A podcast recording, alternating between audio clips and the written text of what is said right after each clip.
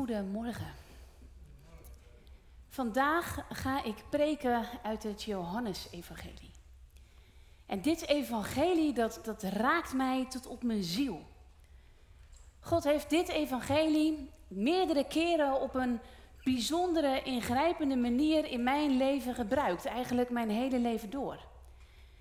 En pas toen ik de preek zo goed als af had, realiseerde ik me ineens dat het vandaag 17 september is.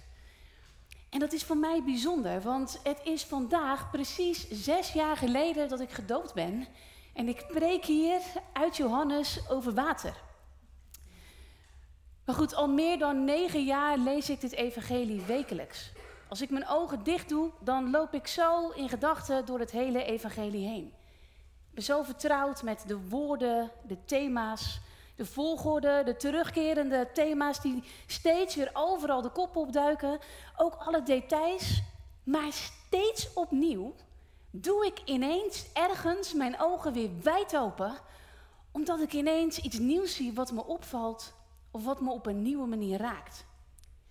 En ik wil jullie vanmorgen vragen om me gewoon te vertrouwen als ik zeg dat je in Johannes teksten, maar eigenlijk ook verhalen, nooit geïsoleerd zonder de context kunt begrijpen. Je hebt steeds het geheel nodig. Ga er bij Johannes maar vanuit dat er altijd meer is dan het oog kan zien. Hij schrijft in cirkels die zo diep gaan.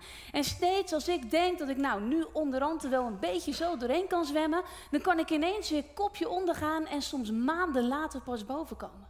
Want langzaam bouwt Johannes zijn evangelie op. Hij kiest zijn woorden heel zorgvuldig. Elk verhaal is belangrijk om het volgende verhaal te kunnen begrijpen. En als je iets nieuws hebt gelezen, moet je ook steeds stoppen en weer terugkijken, omdat het nieuwe verhaal weer meer betekenis geeft aan wat je zojuist gelezen hebt. Johannes is een meesterverteller die lang heeft nagedacht, die al op leeftijd is, die al honderden preken gehouden heeft voordat hij zijn vertelling over het leven van Jezus op papier heeft gezet. Met zoveel oog voor detail.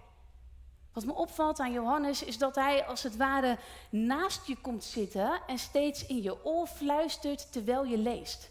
Hij geeft steeds opmerkingen. Bijvoorbeeld, het was rond het middaguur of het was tien uur in de morgen. Eh, PS, Joden gingen niet met Samaritanen om. Steeds geeft hij voetnoten. Belangrijke details. Marcus die doet dat in zijn evangelie 15 keer. Matthäus doet het maar één keer. Lucas doet het zes keer, maar Johannes doet dat 59 keer. En we delen het Johannes-evangelie eigenlijk op in twee gedeeltes.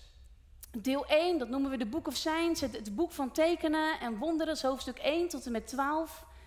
En die gaan over Jezus' publieke optreden. Er zijn vaak heel veel mensen om hem heen en in dit eerste boek zien we steeds dat Jezus tekenen en wonderen doet, die dan gevolgd worden door onderwijs, door een reden van Jezus. En deel 2, dat is dan de Book of Glory, het boek wat gaat over verheerlijking. Dat is dan hoofdstuk 13 tot 21.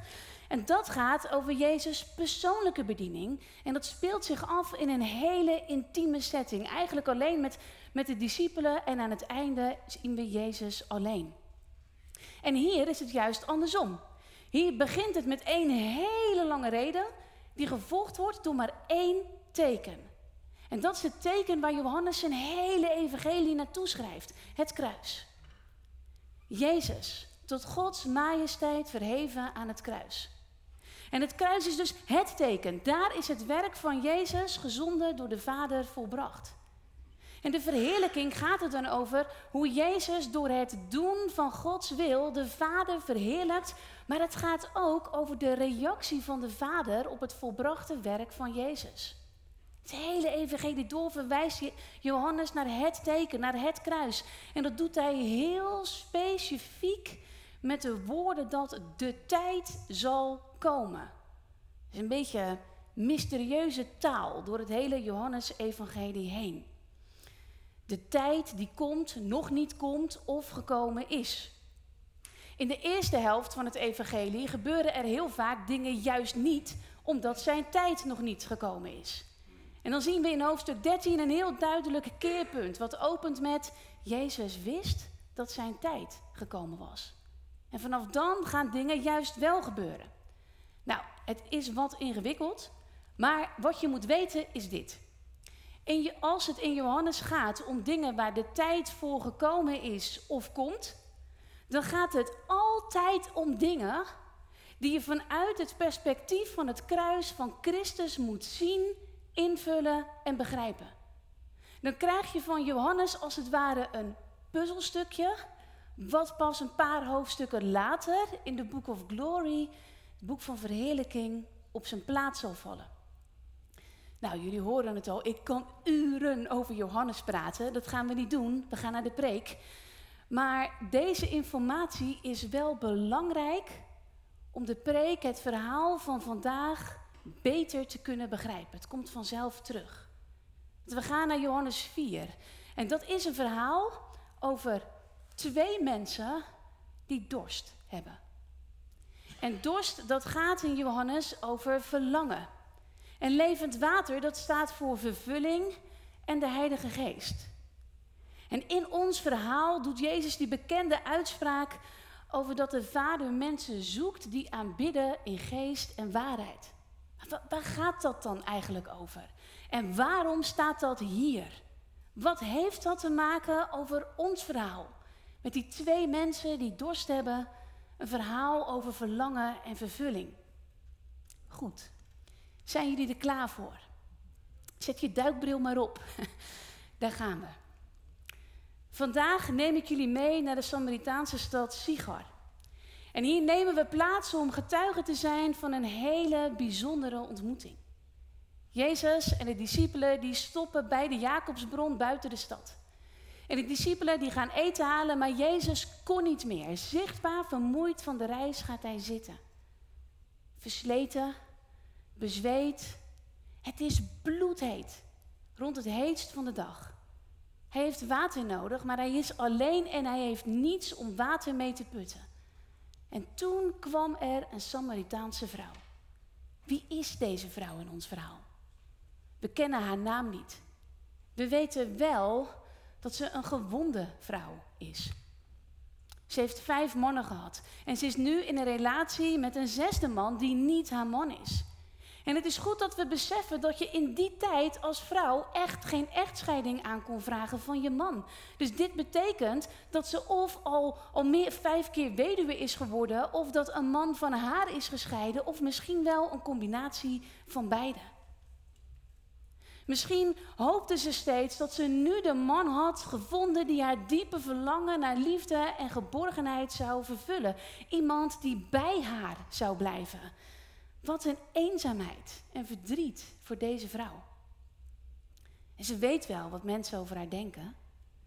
Ze verdroeg liever de hitte van de zon dan dat ze blootgesteld werd aan de brandende blikken van mensen. En als er één ding zeker was, dan was het wel dat op het heetst van de dag niemand zo gek was om water te gaan halen. Dus dat was haar moment. Ze pakte haar kruik en ze ging op weg naar de bron van Jacob. En ze had geen begin van een idee dat de God van Jacob daar op haar wachtte. Ze komt en ziet Jezus zitten. En hij ziet eruit als iemand die hulp nodig heeft. En hij vraagt haar: Geef me te drinken. En zijn vraag verrast haar. Hoe kunt u als Jood mij om drinken vragen? Ik ben een Samaritaanse. Hoe kan deze man nu niet zien hoe ongepast het is dat hij mij überhaupt aanspreekt? Sowieso sprak een man niet zomaar een vrouw aan, maar Joden die gingen echt al helemaal niet met Samaritanen om. Maar Jezus is geen standaard Joodse man. Hij is de gezondene van God. Hij is niet gekomen om te oordelen, maar om te redden. Juist diegene die alles verloren heeft of die zich verloren voelt. Hij gaat niet mee in diep gewortelde haat. Zijn wortels liggen in het hart van de Vader die liefde is. Jezus doorbreekt de cirkel van haat. Hij neemt het initiatief. Hij zoekt contact. Hij stelt zich als eerste kwetsbaar op. Jezus vraagt om hulp aan een Samaritaanse vrouw. Het is zijn dorst. Zijn vraag aan haar, die ertoe zal leiden dat zij gaat beseffen hoeveel dorst zij eigenlijk heeft. Jezus had water nodig. En hij was bereid om een Samaritaanse vrouw erom te vragen. Zou zij hetzelfde durven? Zou zij aan hem durven vragen wat zij werkelijk nodig heeft? Jezus moet daaraan gedacht hebben, want hij voorzegt: Als u wist wat God wil geven en wie het is die u om water vraagt, zou u hem erom vragen en dan zou hij u levend water geven. De vrouw begrijpt niet wat Jezus zegt en bedoelt. Zij denkt aan fysieke dorst en water. Maar Jezus heeft doorgeschakeld naar geestelijke dorst en geestelijk water, wat als enige onze diepste verlangens kan vervullen. Maar ze heeft geen idee wie Jezus is. En als je niet weet wie Jezus is, dan begrijp je ook niet wat God je wil geven.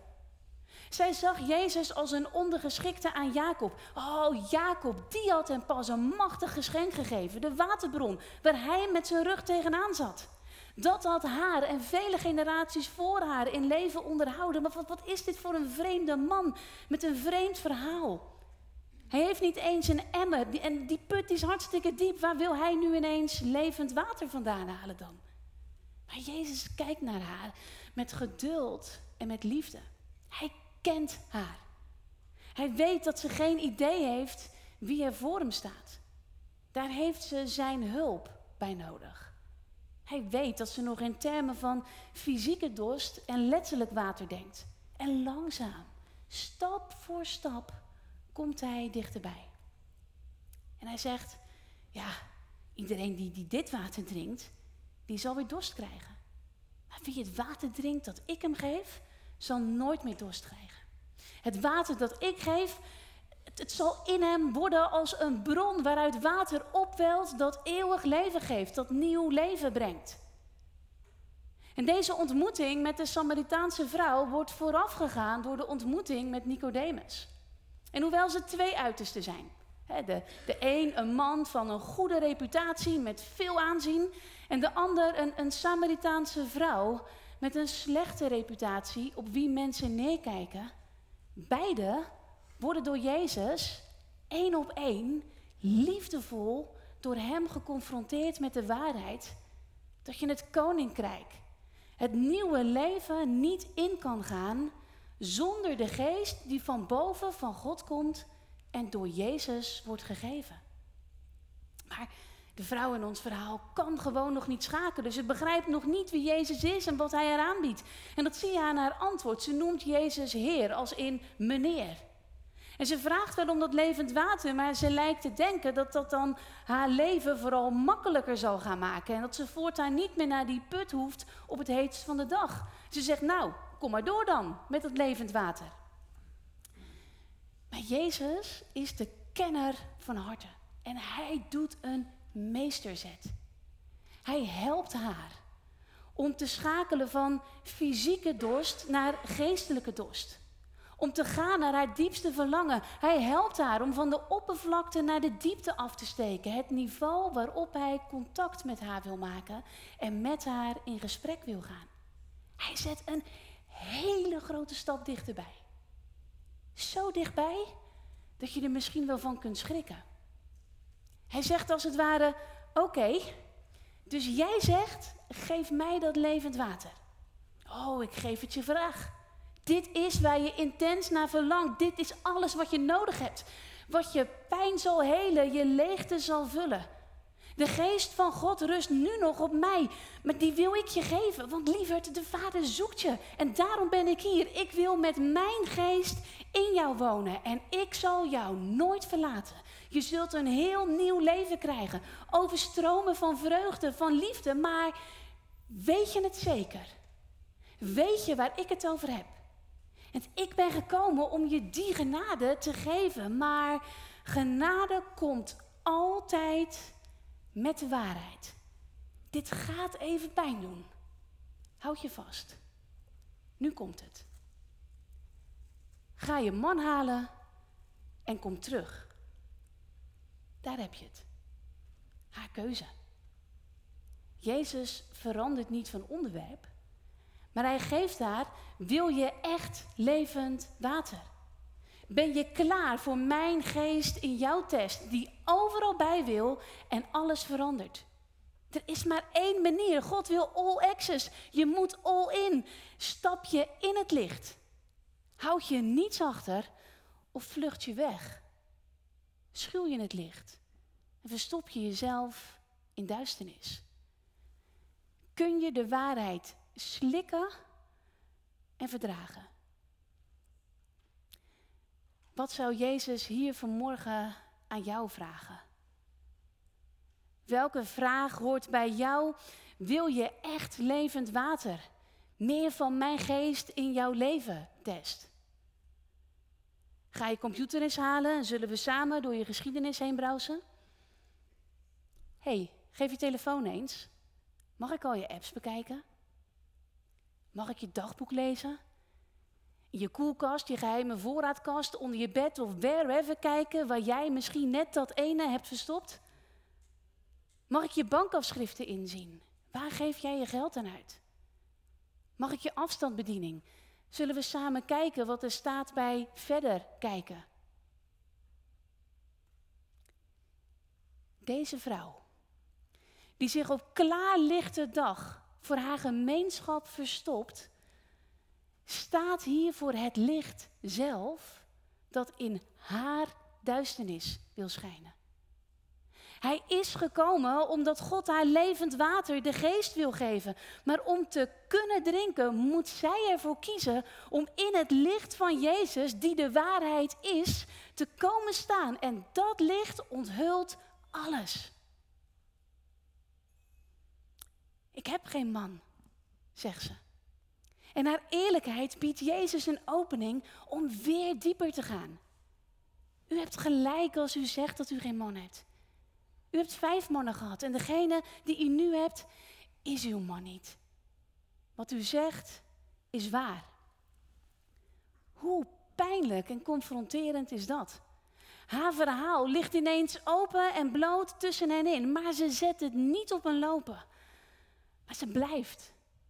Want in Jezus' stem was geen toon van veroordeling, maar van compassie. Alsof hij weet dat het pijn doet.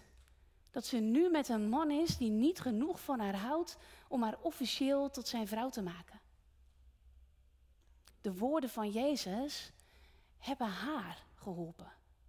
Geholpen om verder te komen, want nu is zij degene die een stap zet. Eerst zag ze Jezus als een man, maar nu erkent ze hem als een profeet.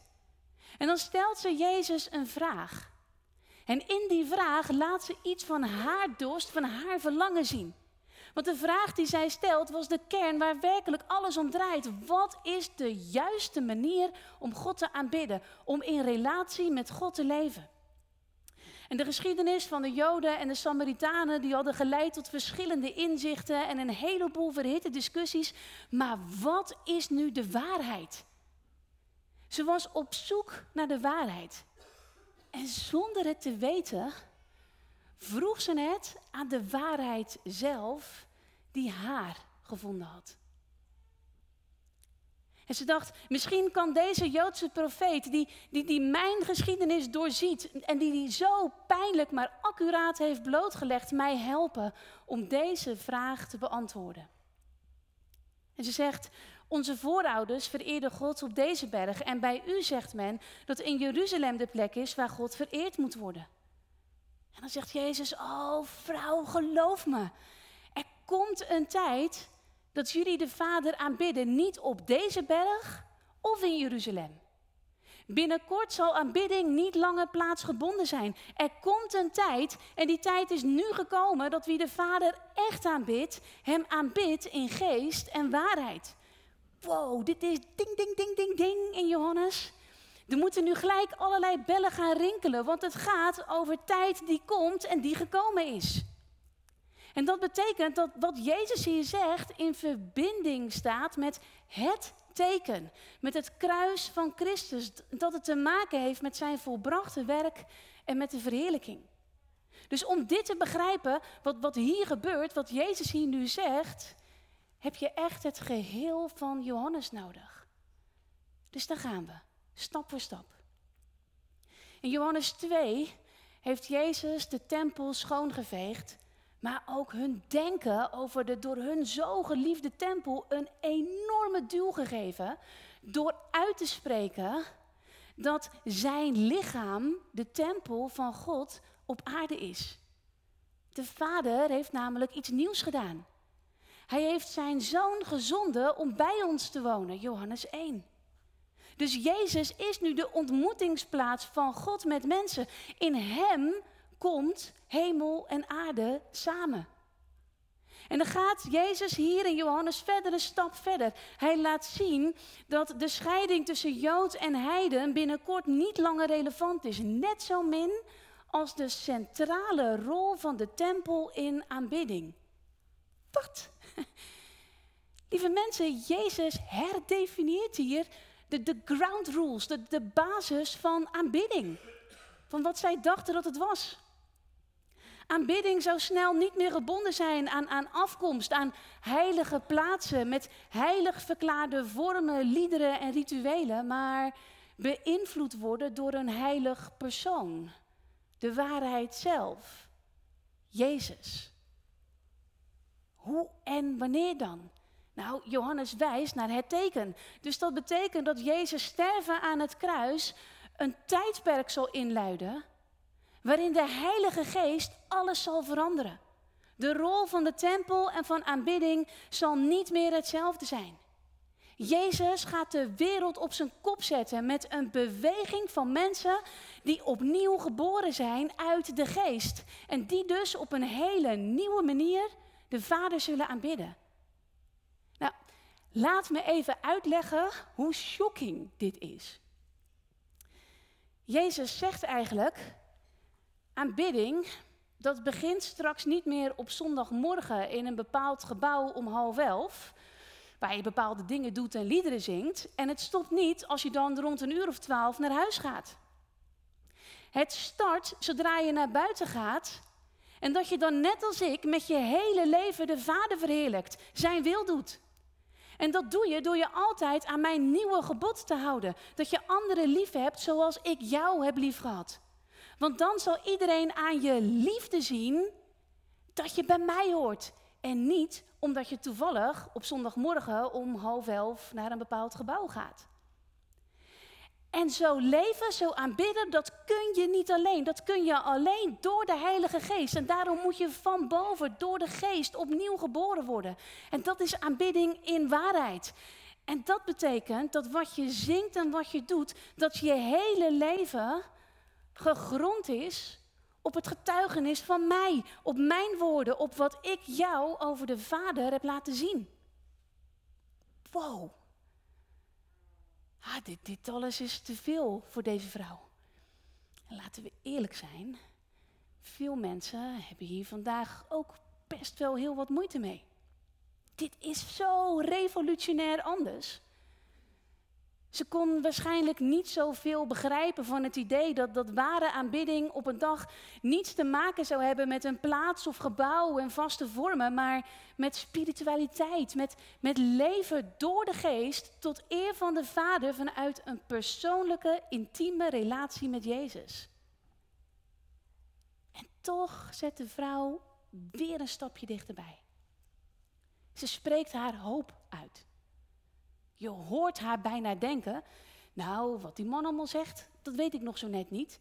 Maar, zegt ze, ik weet wel dat de Messias zal komen. En hij zal het ons allemaal wel uitleggen. En dan openbaart Jezus zichzelf aan haar. Hij is haar hoop. Dat ben ik. Degene die met u spreekt. En alsof het afgesproken werk is, verschijnen nu de discipelen ineens op het toneel. Maar laat je niet door hen afleiden. Blijf naar deze vrouw kijken. Kijk naar hoe alles bij haar binnenkomt en hoe ze dit verwerkt. Eerst zag ze Jezus als een Heer, toen als een profeet. En nu?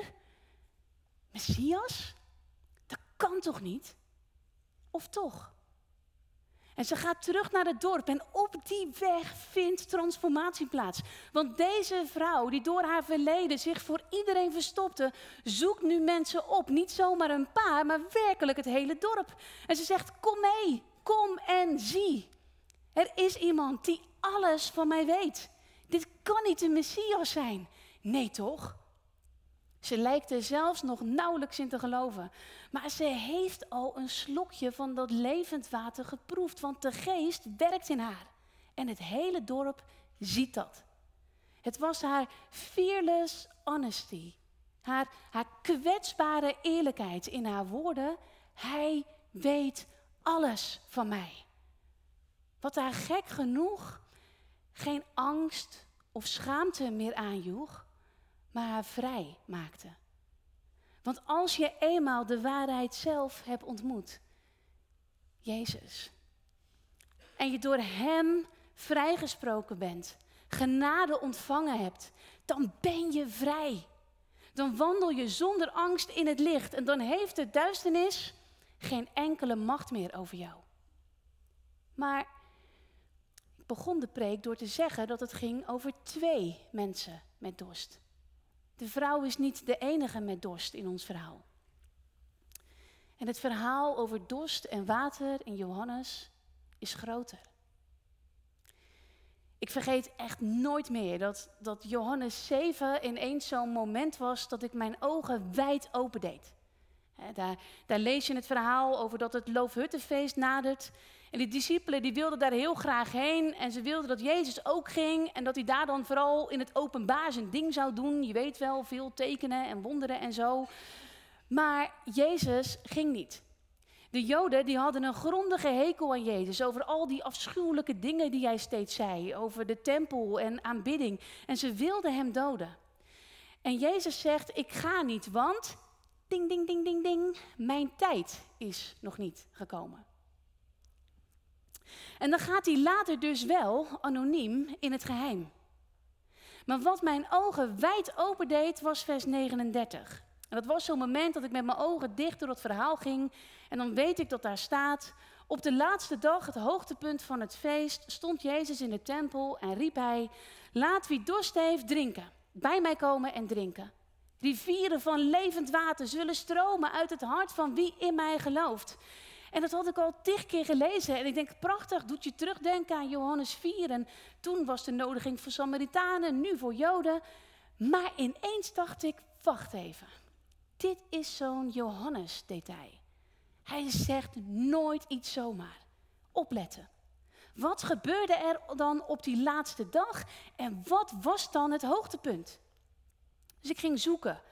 En ik zocht in de Mishnah. Dat is een verzameling onderwijzingen van rabbies van 200 jaar voor Christus tot ongeveer 200 jaar na Christus. En daar vond ik in een gedeelte wat Sukkah heette het volgende over die laatste dag tijdens dit feest.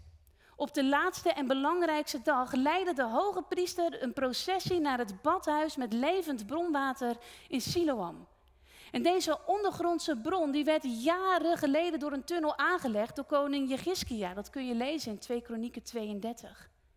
En het water in dat badhuis van Siloam op, op, Siloam op een lage plek, dat was afkomstig uit een rots.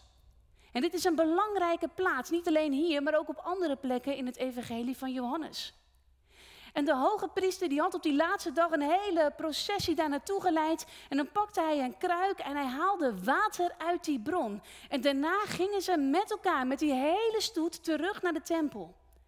En dat was een steile klim. Het was een stratentrap omhoog, van de rand van het badwater helemaal naar de top van de, uh, de tempelberg waar de tempel was. En terwijl ze terugliepen, herdachten ze dan met elkaar hoe God een weg door het water had gemaakt en ze veilig door het water naar de overkant van de Rode Zee konden komen. Ze dachten terug aan hoe Mozes op de rots sloeg en het water uitstroomde. En ze zongen met elkaar uit volle borst Psalm 118. Dit is de dag die de Heer gemaakt heeft. Laten we ons daarover verheugen. Ach, ene. Ach, Heer, breng toch redding. Geef ons heil. Want gezegend is Hij die komt in de naam van de Heer. Ze schreeuwden het uit. Het land was uitgedroogd. Water had het nodig voor de oogst. Maar ook het volk zelf verlangde intens naar de gezegende van de Heer, die heil, die redding zou brengen. En tegen de tijd dat ze dan weer aankwamen bij de tempel, nou dan waren ze buiten adem en dan had je dorst, dorst.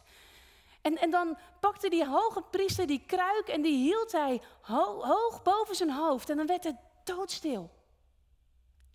En dan ineens gooide de priester met kracht dat water op de grond. Als een herinnering aan Mozes die op de rots sloeg.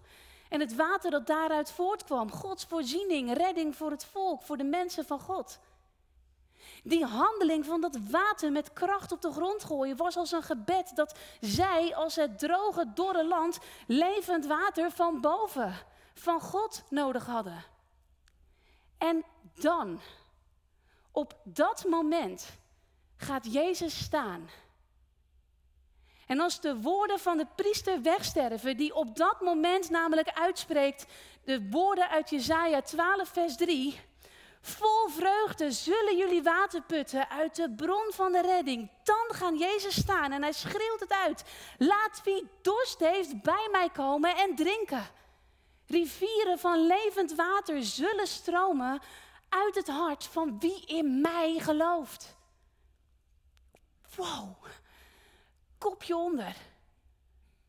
Alsof Johannes ineens kom, open je ogen en zie in je oor fluistert. Jezus, het lam van God die de zonde van de wereld weg zal dragen, staat hier voor de tempel. Hij is de gezegende die komt in de naam van de Heer om heil, om redding te brengen aan iedereen. Hij is de bron van levend water. Hij is hier in hun midden en hij schreeuwt het uit van de dorst. Kom en zie, zie dan wie ik ben, want dan zie je wie de Vader is. Kom en drink als je dorst hebt. Lieve mensen, Jezus dorst naar mensen. De dorst van Jezus is het heftige verlangen van de Vader naar een intieme relatie met ons. Zijn dorst is de onze met levend water lessen. Hij verlangt naar ons herstel. Hij wil met zijn geest in ons komen, zodat we in Jezus liefde blijven uit zijn liefde leven en de Vader kennen. Dat is wat de Vader zoekt. Dat is zijn verlangen, zijn dorst. Maar om onze dorst te lessen, om ons levend water te geven, moest Jezus sterven van de dorst. Ga je mee naar de laatste plek in het verhaal. Johannes 19. Zijn tijd is gekomen. Zoals Mozes de slang omhoog gegeven heeft om de vloek te verbreken, zo moet de mensenzoon hoog verheven worden. We zijn opnieuw nu op een plek net buiten de stad. We zien Jezus opnieuw, vermoeid, bezweet en alleen. De discipelen zijn er niet. Ze kunnen hem niet helpen. Hij hangt aan het kruis. Hij heeft verschrikkelijke pijn. Hij heeft de hitte van de woedende massa verdragen. En opnieuw horen we hem hier zeggen: Ik heb dorst. En ze brengen hem een spons naar de mond. En nadat hij ervan gedronken heeft, zegt hij: Het is volbracht. En hij boog zijn hoofd en gaf de geest.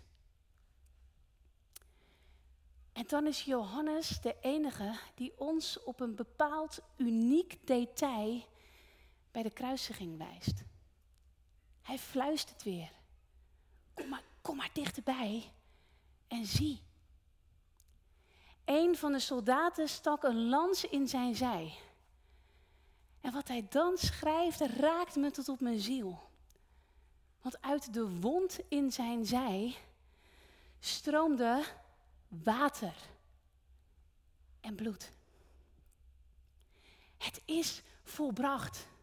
Om alles wat wij hebben gedaan werd hij doorboord. Het lam van God is geslacht.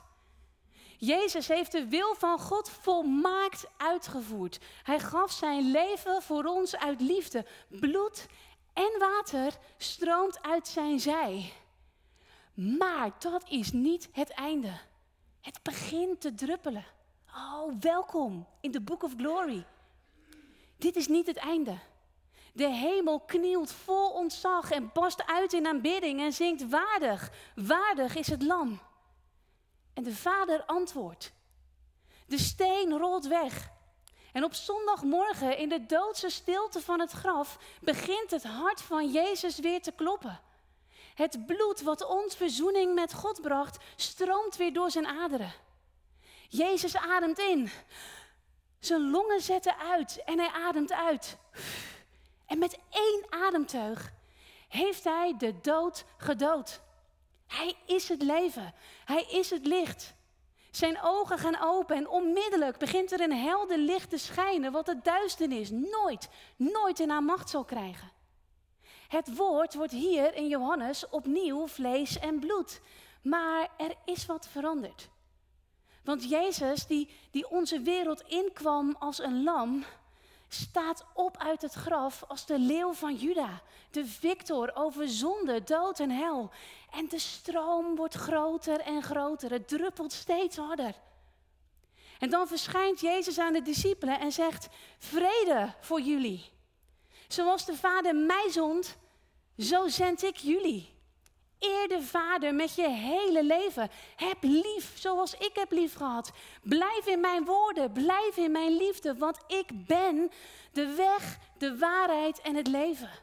Jezus, de rots, is gebroken. En uit de wond in zijn zij stroomt bloed voor onze verzoening. Maar water, hedend, levend water, zijn geest naar ons allemaal. De stroom is niet meer te houden. Het is inmiddels een, een wilde, ontembare rivier van levend water geworden. En Jezus blaast nieuw leven, adem over de discipelen uit. En hij zegt, ah, nu is de tijd. Ontvang mijn geest. Daar gaat die stroom. Lieve mensen, nu, nu, nu is de tijd voor ware aanbidding gekomen. Amen.